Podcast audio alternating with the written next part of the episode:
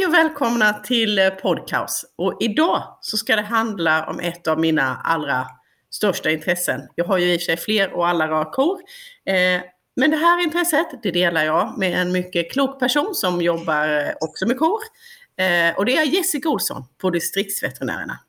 Jessica, vad är det som vi båda tycker är så himla kul att prata om? Förutom kor i allmänhet då, som ju alla borde tycka det är roligt att prata om, så liggbås i synnerhet eh, och hur kor använder eller ibland hindras från att använda dem.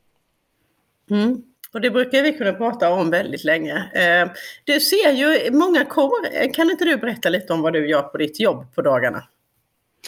Ja, jag jobbar i Falköping på distriktsveterinärerna och flyttade hit på grund av corona och har inte någonsin velat lämna. Jag jobbar en del administrativt, så inte bara ute bland djur, men när jag träffar djur så är det oftast mjölkkor och jag träffar ju dem alla möjliga tider på dygnet eh, eftersom vi har beredskap och då får man träffa sina patienter och deras kollegor ofta där de bor och inte att de har flyttat ut till någon särskild avdelning. Och då ser man hur de använder sina liggbås alla tider på dygnet oavsett när det är strött eller skrapat eller sådär. Mm. Mm. Och får många tillfällen att se både positiva och mindre positiva exempel. Mm. Så är det verkligen. Och du är också besättningsveterinär på några gårdar och får följa dem och ha ett stort engagemang i att få det att fungera. Eh, ja, så. jag jobbar med en hel del med vila och där har jag fem gårdar som jag besöker regelbundet. Och där det, särskilt på ett par av dem har varit mycket diskussioner om hur man kan eh, förbättra liggbåskomforten eller där djurägarna verkligen har identifierat ut förbättringspotential. Mm. Eh, men då, det är ju superspännande. Jag tänker att vi egentligen skulle börja med allra först, varför har vi liggbås? Jag tycker mest det verkar vara problematiskt. Vi kan bara skita i det kanske. Eh. Det finns ju de som går den vägen eh, ja. och har bädd istället. Eh, nu finns det ju nya varianter, eller mm, rätt så nya varianter, kompostbädd, eh, som inte har funnits så länge. Vanlig halmbädd har man ju kunnat ta länge och det mm. förekommer mm. ju. Det är ett ganska utskällt system, eller man ska säga i Sverige. Expertisen har oftast inte varit så positiva till det, vilket jag personligen mest tror beror på att man strör för lite och har för lite plats. Jag mm. tror mycket väl det kan fungera eh, om man uppfyller de bägge kraven, då blir det väldigt kostsamt. Eh, mm. Men jag vet ett ställe där mycket av halmen dessutom köps in. Halm får man ju inte gratis längre som man fick förr i Nej. tiden. Och jag kommenterade att det måste bli ganska dyrt. Eller så det får man inte tänka på, sa han då. Det måste strös. Nej. Nej, så är det ju. Och där tänker jag just att det här anledningen till att vi eh, i Sverige, där vi behöver hus till våra kor till att börja med.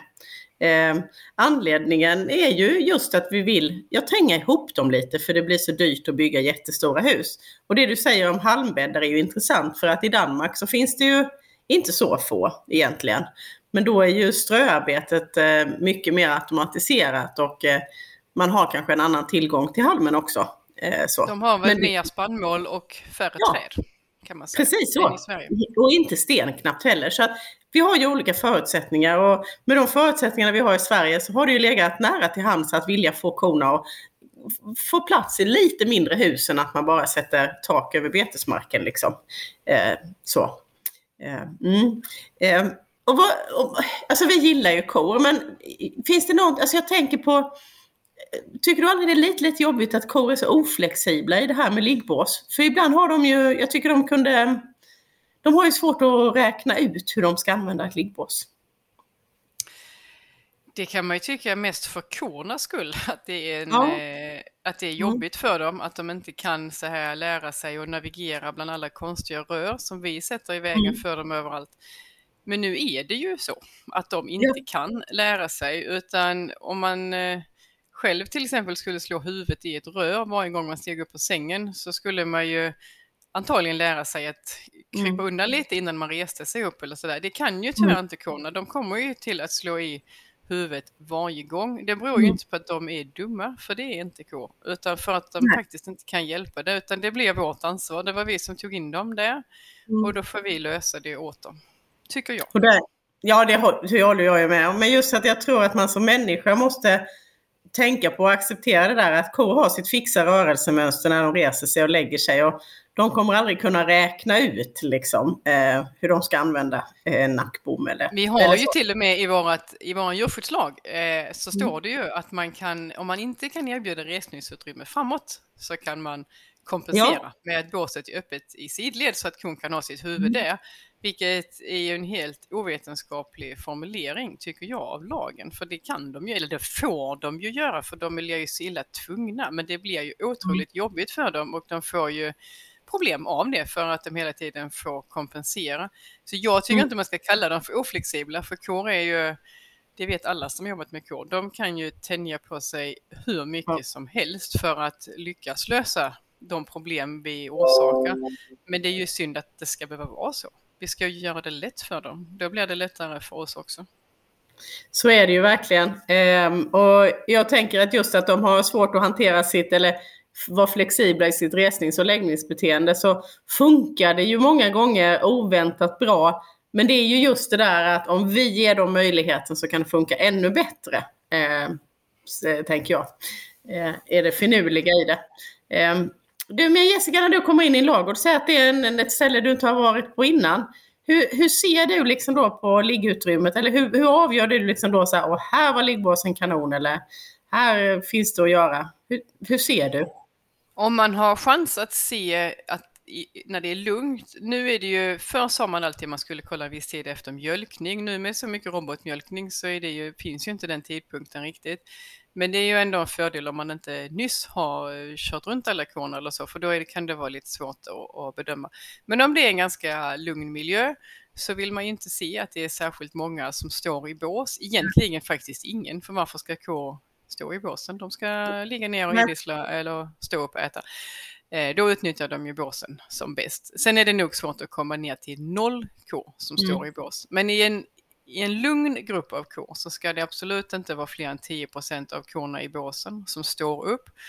Eh, och man ska heller inte, om man nu är där ganska länge, se att många kor står upp länge eller ens några kor står upp länge. Det kan också vara så att de korna som står upp länge är halta och också mm. blir ännu haltare av att de inte lägger sig. Mm. Det, och, och, det kan ju ha kommit av den dåliga liggbåtsfunktionen. Det kan ju också bero på andra orsaker. Så är det enstaka kor som står upp länge så kan ju det bero på individen. Så det får man ju vara lite försiktig med att dra för, förhastade mm. slutsatser av att, att kor står upp. Men om många kor står upp mycket, då kan man nog vara rätt säker på att de, de inte vill lägga sig av något skäl. Eller de vill lägga sig, men de hindras och skjuter ja. upp det. Liksom. Ja. Och, och, där tycker jag, jag tänker att, att vi, som du och jag, vi ser båda, vi ser många lagor där vi har den fördelen att vi ser ju när det funkar riktigt bra, alltså man har de bilderna kvar i huvudet. Problemet är väl att man lätt blir hemmablind, att man är van vid det som är i ens egen lag. Och där kan ju lite det där räknandet ändå att se hur många kor står i liggbåsen eller i gången eller Ja, det, alltså det är inte så dumt att inventera läget ju och se eh, hur många det är särskilt innan man kanske gör en förändring, tänker jag, för att se att det... Många kor som står i bås leder ju också oftare, tycker jag, till att många kor står i gångarna, för de blockerar ja. ju lite. Det är ju mm. tyvärr få stallar som är alltför generöst byggda, så gångarna är ju relativt mm. ofta ganska smala som det är. Och mm. är det då rumpor som sticker ut i vart och vartannat bås så blir det ju ännu mindre utrymme att passera mm. och då kommer ju inte de korna som faktiskt kanske hade gått och lagt sig, de kommer inte ens fram till det båset som de vill gå till för det är inte säkert att de tar det närmaste utan alla har ju sina egna, många har sina egna platser eller sina egna områden i alla fall i byggnaden. Eh, så många stående kor leder till ännu fler stående kor. Mm. Ja, och så tänker jag, och det har jag sett själv flera gånger, att, att i robotmjölkningssystem så spelar det ju stor roll för trafiken. För det är klart att är det, alltså är det svårt att komma fram till roboten så går man ju inte. Det är ju ganska uppenbart. Så att en förbättrad liggbåtskomfort också leder till bättre mjölkning. I bästa fall eh, kan det vara så. Ehm, Mm, vi vill inte se stående kor, vi vill att de lägger sig. Eh, och det går ju rätt så snabbt att de lägger sig. Det tänker jag också en sån här, när man ser en ko komma in i ett bås. Du nämnde det så bra att de inte ska bli stående länge, utan att de lägger sig liksom i en rörelse direkt. Det, det är bara så det går till. Ja, jag brukar inte... jämföra med att man ser ju inte friska kor stå på bete och bara stå. Nej. De kan stå när de är nära mjölk, typiskt sett mm. om man har kor som mjölkas i grop de går ju och ställer sig eller drar sig mot grinden kanske när det mm. börjar bli dags för mjölkning. Då mm. kan de bli liksom stående där och det är väl för att det inte är så bekvämt att lägga sig ner och de vet att de ska ändå snart gå in och de gillar att göra saker tillsammans. Så, så här, då om alla står upp då fortsätter de andra, eller de flesta står upp så lägger sig inte någon ner även om mm. det finns undantag. Men om man eh, släpper ut samma grupp kor efter mjölkning så går de ju ut, de dricker och de betar en stund och sen lägger de sig. Och den gången när de lägger sig ut i gräset, då gör de ju bara det. De bara lägger ja. sig. Om de inte ja, är halta från början. Nej. För då kan de tveka lite där också. Men friska kor, de har ingen betänketid. De bara fäller ihop benen och lägger sig. Nej, så är det ju verkligen. Och det ska man spara till synen när man kommer in på vintern, eller hur det är i stallet. Men det är, ju samma var... mönster. Det är ju samma rörelsemönster. Ja, det är samma mönster. Som på stall. Det är det som är grejen. Så är det verkligen. Och om vi ser på liksom de metallen, om vi ser till metalldelarna, det kan ju faktiskt vara numera i plast eller någonting annat också, men så att säga själva inredningen. Om man nu har jättemånga kor som står, eller många, många, men man tycker, man lyssnar på detta och så tänker man, ja, det här får jag nog, jag har nog lite många kor som står i, i båsen. Vad är liksom dina, hur, hur ser ditt, din systematik ut i att fundera på vad det är man kan förbättra? Alltså idealiskt om man ska kolla på inredningen så ska den ju vara rätt skitig. Det hade jag gillat allra mest, att korna inte går emot det hela tiden. Det är bättre korna är blanka än inredningen mm. om man säger så. Mm. Men eh, tyvärr tror jag det är svårt att uppnå det helt och hållet, att de inte går emot någonstans alls. Men det kan ju vara mer eller mindre. Och börjar det synas på korna, då vet man ju definitivt att det finns eh, goda skäl att göra någonting åt det. För det finns ju tyvärr ställen där mer eller mindre alla kor har märken på höfterna till exempel av dåligt utformade båsar och skiljare mm. och som de ideligen slår i och det är ju inte, det är inte godtagbart. Ja, du menar att man ser, du vill ha skitiga bås, det låter ju konstigt, men det är helt enkelt för att inte korna ska... Inredning, underlaget får gärna vara rent, men ja, ja, själva inredningen ja, mm, kan man mm. hellre göra rent med högtryckstvätt än med korna. Ja, och inte några skador och skav och sådär då. Ehm, och jag tror att vi har, alltså det, det, finns ju något som vi ofta kommer till som nummer ett och det är ju den här förbenade nackbommen. Ehm, som ju då är det eh, röret som ligger över då. Om vi nu är så många som gillar kokomfort som inte tycker att den här nackbommen är bra. Varför, varför finns den fortfarande? Borde man inte kunna ställa sig den frågan?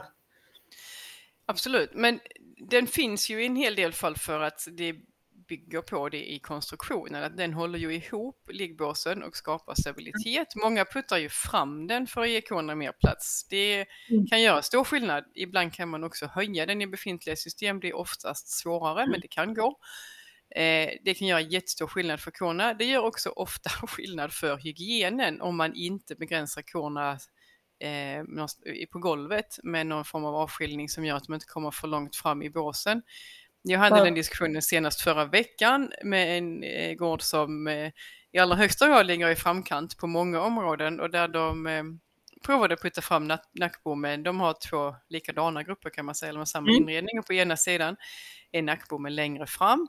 Eh, och det har ju gjort att eh, det har blivit mycket smutsigare i de båsen Mm. De har heller inte lagt någonting på golvet för att de, eller de har testat lite olika, men de upplever det som lite bökigare när de strör. De lägger upp strö framför där och rakar ner och då är det i vägen.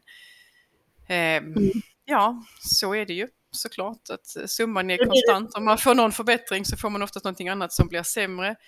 Men, Men det, du... det, är tydligt att Kona fick bättre, ja. lättare att använda båsen. Så kan man. Ja, du menar man ser att de ligger ner men de är lite skitiga. Och då är det ju ofta just det här med en bogplanka eller brisketboard eller det kan ju vara ett rör, det kan till och med vara ett spännband. För det där med fixt rörelsemönster är ju coolt för att det räcker med att vi markerar korna med väldigt, när vi pratar om något på golvet så är det ju inget högt du menar. Det är inga stora grejer.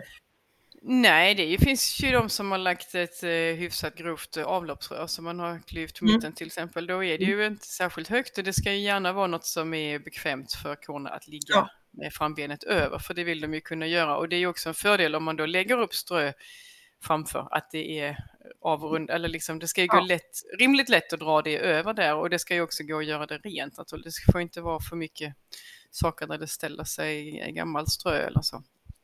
Nej, då får vi ju i bästa fall så får vi ju den kovänliga i att inte nackbommen hindrar men vi får en, eh, en rätt placering i båsen och det är ju fiffigt.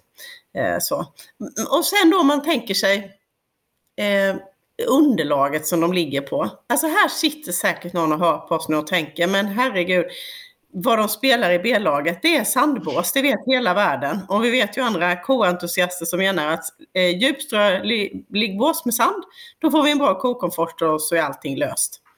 Varför, sitter, varför sa du inte det från början Jessica, att det är sand som gäller? Det skulle jag gärna säga alla dagar i veckan, men vi vet ju också hur det ser ut praktiskt i Sverige och eh, tillgången på sand är inte begränsad och det gör ju att eh, många får inte lov att bygga med sand längre. Det räknas som en ändlig resurs och redan där tar det mm. stopp. Den är bökig att hantera, eh, den sliter mycket på den typen av system som vi ofta har i USA där sand är stort. Där har man mycket att man spolar ut gödsel eller så med enorma mängder eh, vatten och så. Det, vi har inte de systemen och kanske inte heller det klimatet. Det skulle kunna påverka med när man har väldigt kallt under långa perioder. Eh, men i, eh, i USA är det ju liksom nummer ett och två och tre, vem man än pratar med de här experterna. Och det, det betyder inte att det, jag, jag delar deras bild och jag har sett sandbås, det är fantastiskt, verkligen, mm. när det funkar.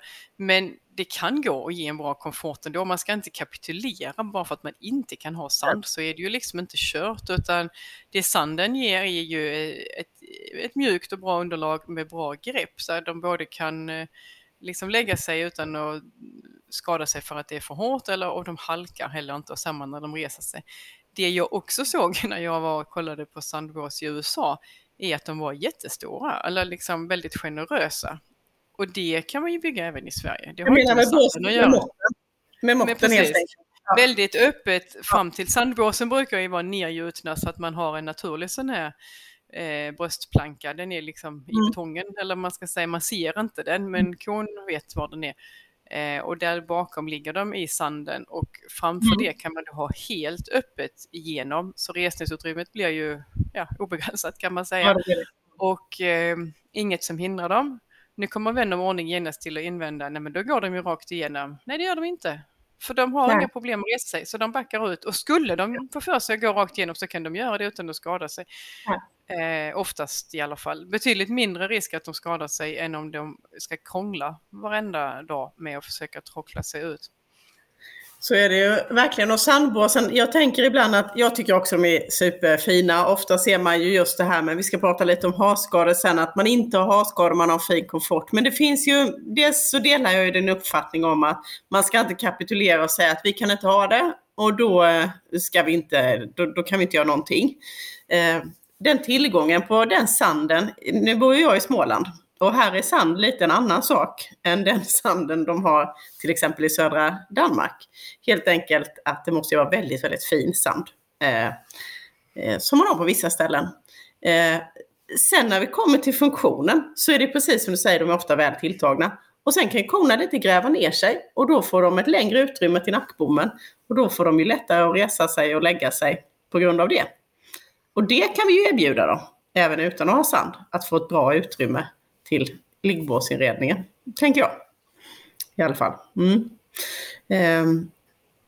Men Jessica, ett av dem, det här med underlag då. Om vi läm lämnar sanden lite och tänker att fint när det går att lösa. Eh, har du liksom, om någon säger, du borde ha fått frågan någon gång, vilka, vilka liggbåtsmadrasser ska jag välja? Svarade du Ja, det skulle jag säga att man ska lämna upp till sina kor. Eh, och det är kanske ett dåligt svar för de kan ju inte själv klicka sig in någonstans. Men Nej, det, man kan göra, ska man bygga nytt är det ju svårt såklart, för då har man ju kanske inga kor från början att testa på. Har man det kan man ju kanske lägga in i sitt gamla stall eller liksom, ja, ibland går det att lösa så, ibland gör det inte det. Då får man ju fråga på många andra ställen vad deras kor har sagt. Men i många fall när man ska välja mattor eller madrasser så är det ju för att man ska byta ut sina befintliga och då tycker jag det absolut bästa är att lägga i ett mindre antal bås och testa. Och där mm. går det ofta ganska fort till att eh, ofta mm. de äldsta, eller det är i praktiken de kunder som bestämmer, som är högst i rang. Ja.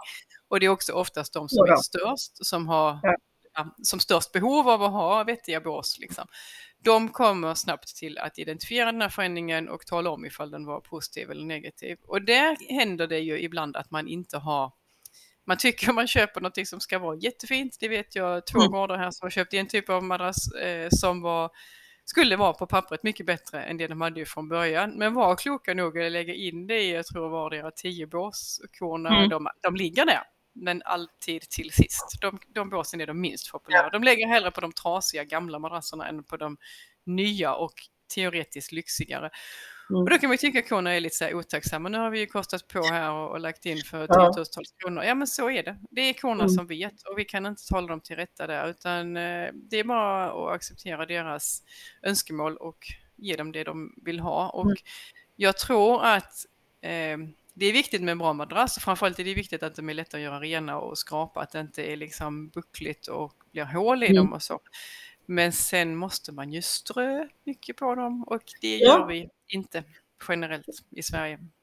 Nej, där har du en annan sak. För det är så här att, att jag menar, man kan se kor som har en bra komfort på ganska hårda mattor. För lite grann är det ju en balans mellan hårda och mjuka mattor, liksom. Eh, de här gamla jättehårda. Men då är det ju mycket strö. Men vad ska man strö med då?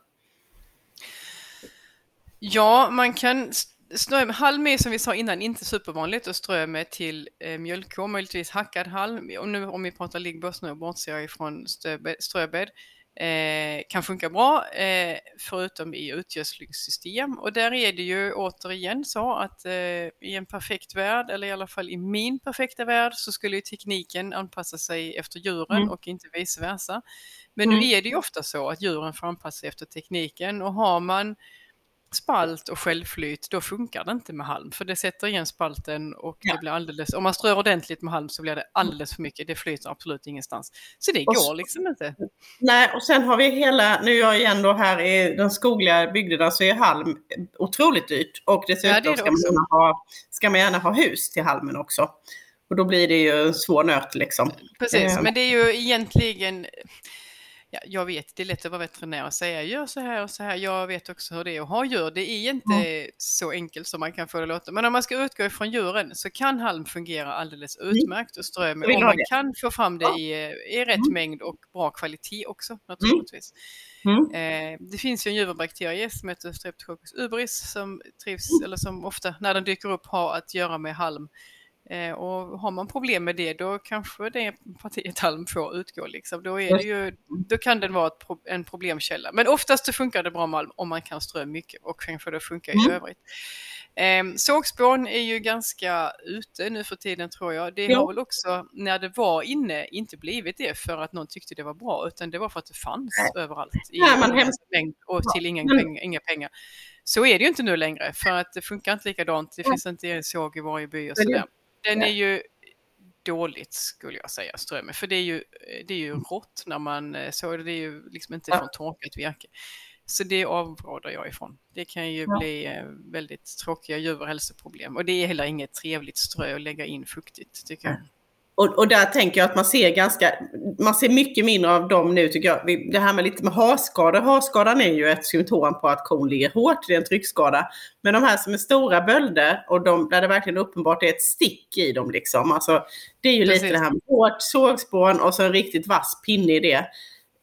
Faktiskt mycket mer sällan skulle jag säga. Harskador har vi ju däremot inte helt blivit av med men, men det är ju sådana här sågspånskador som känns inte så kul alls. Nej, precis. Sen finns det ju nästa sorts spån som är kutterspån och där finns det ju lite olika varianter på hur de är framtagna och, och ja, det saluförs mm. under lite olika namn eh, och de är ju fräscha så tillvida att de är ju liksom eh, torra ifrån början ja. och eh, mm. gjorda liksom med ett ändamål. Men det är otroligt svårt att få kutterspån att ligga kvar, upplever ja. jag. Just för att det är så torrt och ganska liksom, stora flingor eller vad man ska säga. Så ja. det räcker ju, det blåser till bara pyttelite så blåser alltihopa ut. Det är liksom omöjligt att få någon vettig bädd och det är också ganska dålig uppsugningsförmåga. Mm. Men det ser fint ut, det får du faktiskt hålla med om. Det är snyggt så länge det ligger kvar, men det är ju inte mm. kanske ströets främsta syfte. Nej, nu är det sådär negativt tycker jag. Men, jag, jag håller med Men eh, den är, mm. ja, det, det, har verkligen de begränsningarna och det är jag tycker ju heller inte, man får ju strö, om man har det i kalvningsboxar eller så här, så man får ju strö hur mycket som helst och det är ändå alltid blött och, och kladdigt. Ja. Liksom. Men, mm. men är, det, är det mycket och torrt och rent, då ser det ju fint ut i början i alla fall. Så kan man säga. Och det kommer ju ofta i balar så att det är lätt och man kan lagra det på pall utomhus mm. i flera månader utan att det tar skada. Det är ju en fördel jämfört med till exempel ja, då. Som man ju, ja. Det kan man ju också lagra ute men då får man ju täcka det och det blir sådana volymer. Och ska man ha den hackad så då får man ju definitivt ha den inne liksom. Och sådär. Men när ska det komma till mitt favoritströ? Är det torv? Ja, jag är Åland och vi har inte halm och vi har inte sand, men vi har torv. Torv är ju, ja precis, torv har ju också kommit lite i så här ja, men tycker jag, Egentligen klimat... så tänkte jag att Ja, alltså det finns en miljöaspekt kring det också. Eh, torv är ju det vi kallar semifossilt. Vi, det tillverkas lite för långsamt för att vi kanske med helt gott samvete ska hålla på och eh, använda det i kornas bås. Eh, mm. eh. Vad tänker du då om torv? Om vi bortser från miljöeffekten. Um, torv är ju um, ett levande, eller man ska kalla det för material eller dynamiskt så att man kan liksom inte beställa torv som man kan göra med kutterspån i vissa dimensioner mm. eller sådär, utan torv är ju beroende på var den kommer ifrån, mm. lite olika. Det kommer ju många till att, som köper in torv till att få erfara, särskilt om man mm. köper den i, i lösvikt som många gör. Så kan man få med både det ena och det andra och mm. stora grenar och allt möjligt. Och, en gång så fick jag med en älgklöv och då tänkte jag så här att det kanske var en som var lika gammal som Bockstensmannen eftersom ja, torv ju kommer från mossa. Men det kändes ju ändå inte så fräscht. Faktiskt. Nej, det gör det ju inte och ibland är den alldeles för blöt och då blir mm. den ju såklart inte, annars det som är torvens liksom verkligen unika förmåga det är ju att den är så otroligt bra på att suga till sig fukt ja. och det blir torrt. Eller torven kan vara ganska blöt men djuren blir torra och ja. kanske inte så rena eller de ser ju lite så dammiga mm. ut.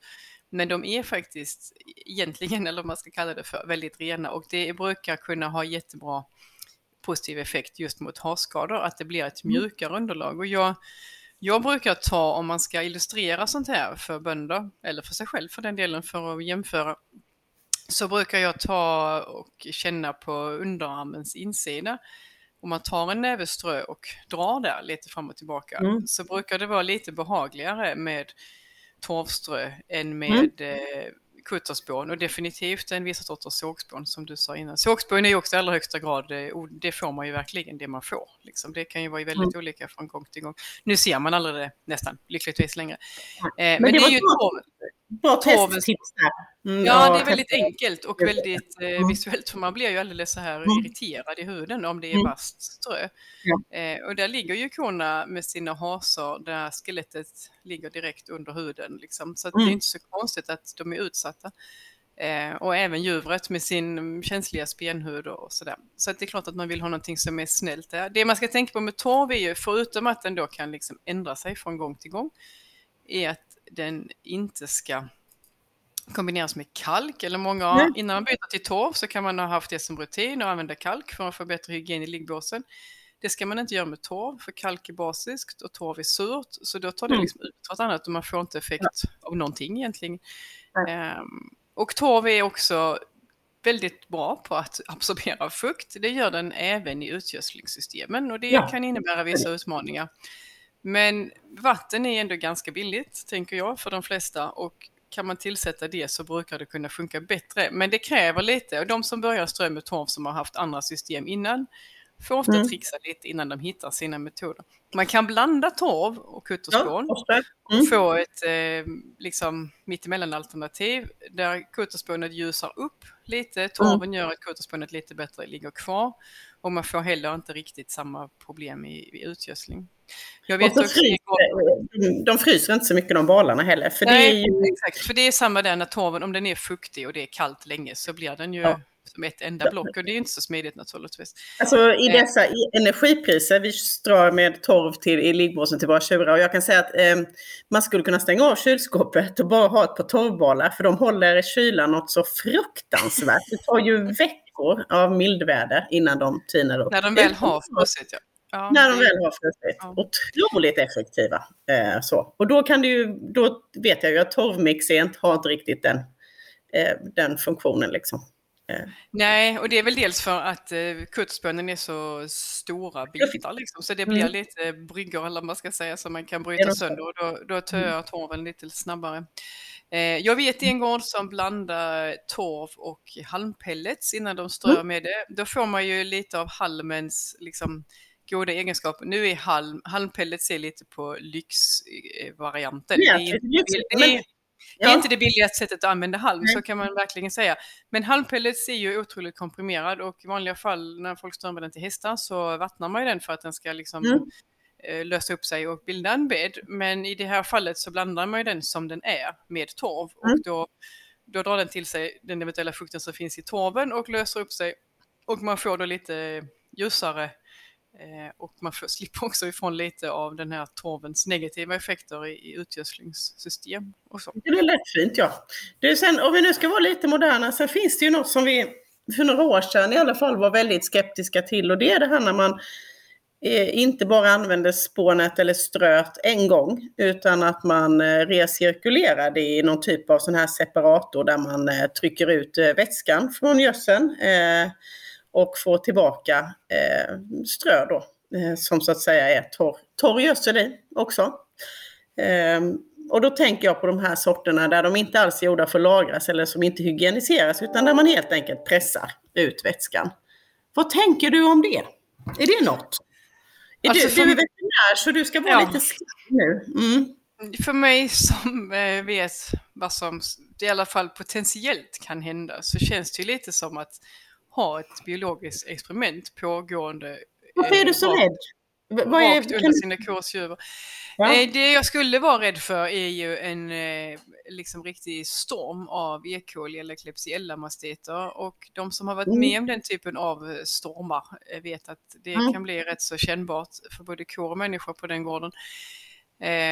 Men det som är fördelen med den typen av strö som jag tror utan att kunna backa upp det vetenskapligt kan kompensera för en hel del det är att man strör mycket för man har tillgång till mycket strö. Och det mm. ger ju i sig korna lite motståndskraft, eh, att de är, får vila mer och bekvämare och de slipper kanske sina harskador och så här mm. och då mm. kanske de klarar vissa påfrestningar bättre. Men får man en ordentlig tillväxt av de här gödselbakterierna som det ju är i det så kanske inget immunförsvar i världen klarar av det och det skulle kunna bli lite läskigt. Men det har ju, många gör ju det utan att det ja. blir några sådana där stormar. Liksom. Nej. Eh, jag håller ju med dig i att, att den fördelen ofta är det att man då får, så, man får en så stor produktion av strö som man måste få ut. Liksom, för den ska inte lagras utan den ska in och rulla i systemen. Och det kan ha en jättestor och fin effekt för harskadorna. Men jag tänker att man är lite uppmärksam på de där mastiterna eh, om man har det i systemet. Eh, tänker jag. Eh, så att man inte får de effekterna. Jag skulle nog mm. framförallt vilja vara uppmärksam på att veta om man ofta ofta, eller de som är vana att se mastiter kan ju rätt så ofta i alla fall med lite hyfsad precision säga om det är en, en kolimastit eller mm. någon grampositiv mm. som vi säger, streptokocker eller stafylokocker. Men att man i de fallen eh, ser till att skilja på E. coli eller Klebsiella för det är lite olika. Dels hur det kommer till att påverka korna och eh, om man har fått någon fått in liksom Klebsiella-smitta, för mm. den är mer smittsam ibland korna än vad E. coli typiskt sett är. Och då skulle jag verkligen eh, vara supernoga att försöka få ordning på det, för då har det nog blivit fel någonstans och mm. det vill man inte få spridning på. Nej, så koll på mastitläget och vad det faktiskt är man har med sin veterinär. Så att eh, om man bestämmer sig för den vägen. Mm. Du, jag tänker så här Jessica, nu har man suttit, nu har kanske någon gått och lyssnat här på detta och så har de tittat på sina kor och så visar det sig att jaha, då står korna inte och lyssnar på radio utan de står alldeles för mycket i sina bås.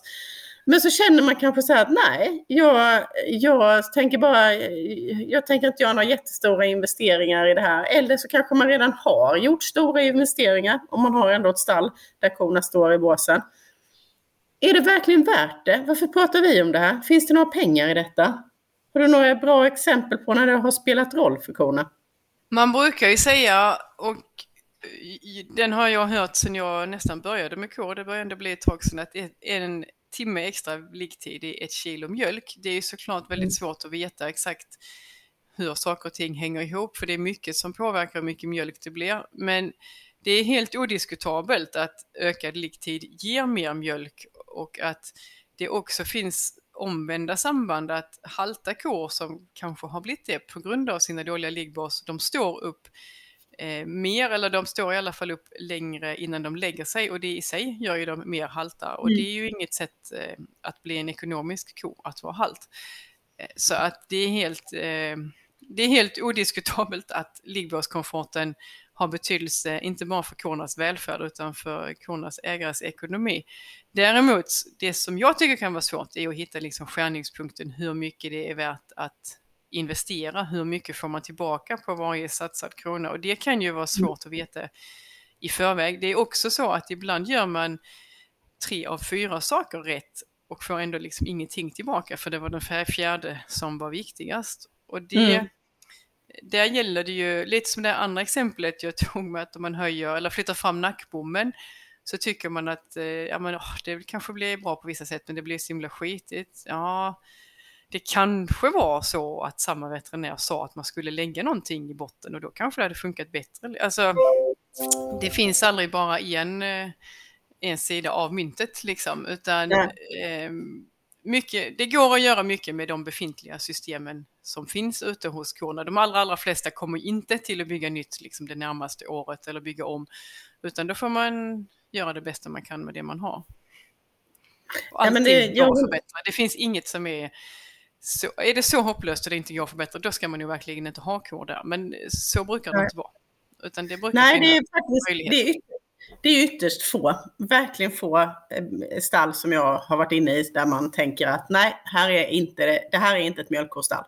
Eh, och då handlar det ju mest om de som kanske är byggda väldigt, väldigt tidigt i, i, i, i lösdrifternas historia, som helt enkelt är för små i måtten. Eh, där det är svårt. Annars håller jag med, man kan göra det, någonting med det man har.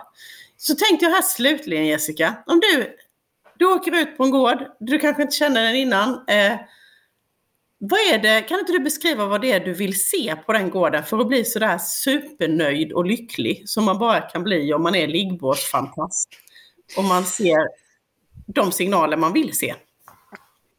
Dels så vill jag se eh, kor fria från harskador. Det tycker jag är ett bra kvitto på att deras miljö fungerar. Och för vissa tror jag, lite som du nämnde innan, att man blir hemmablind, att man nästan inte tror att det kan vara, liksom, har inte kor alltid harskador? Nej, det har de faktiskt inte. Och jag har varit på ett par olika sandbåsgårdar och stått och sett när korna går till mjölkning. Man bara ser hundratals kor i sträck som passerar och inte en enda har harskador.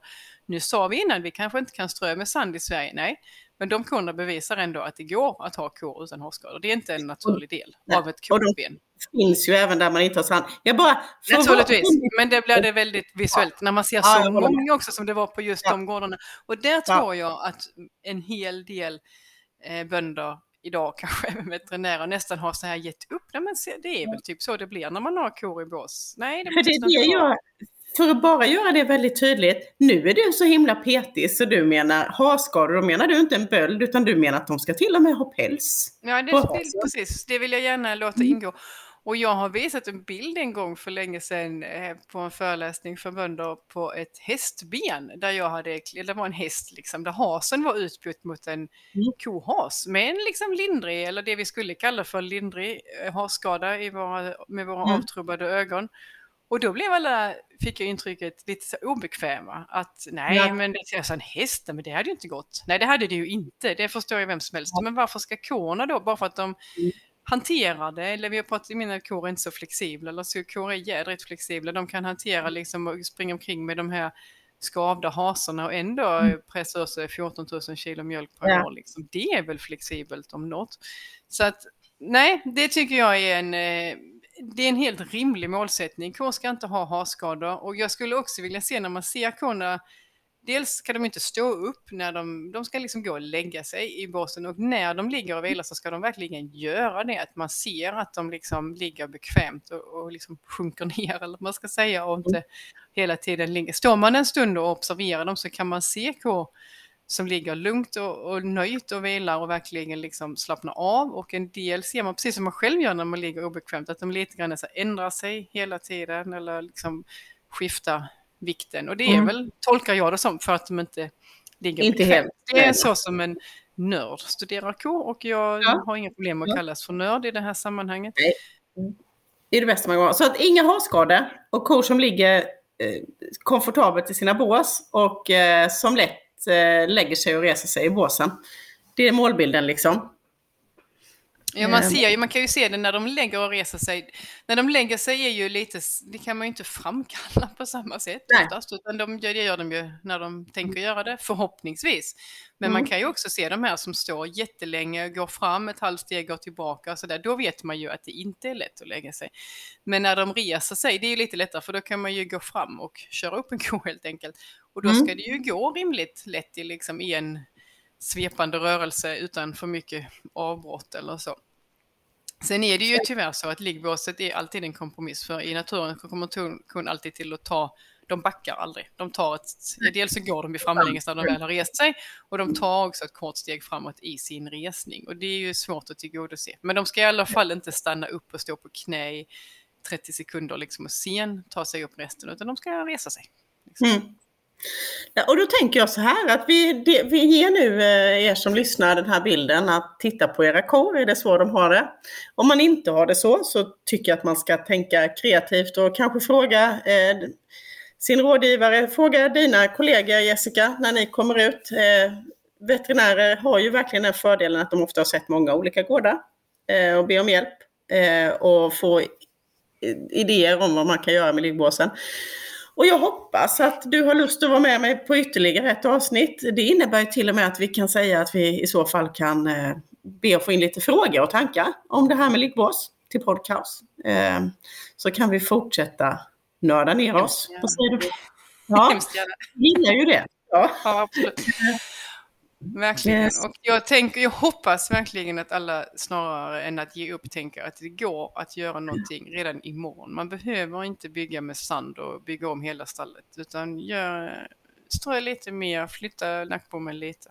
Så har du ändå gjort någonting. Precis Jessica, det är fantastiska slutord och med det så vill jag gärna säga stort tack för att du var med idag och på återhörande. Tack för att jag fick vara med.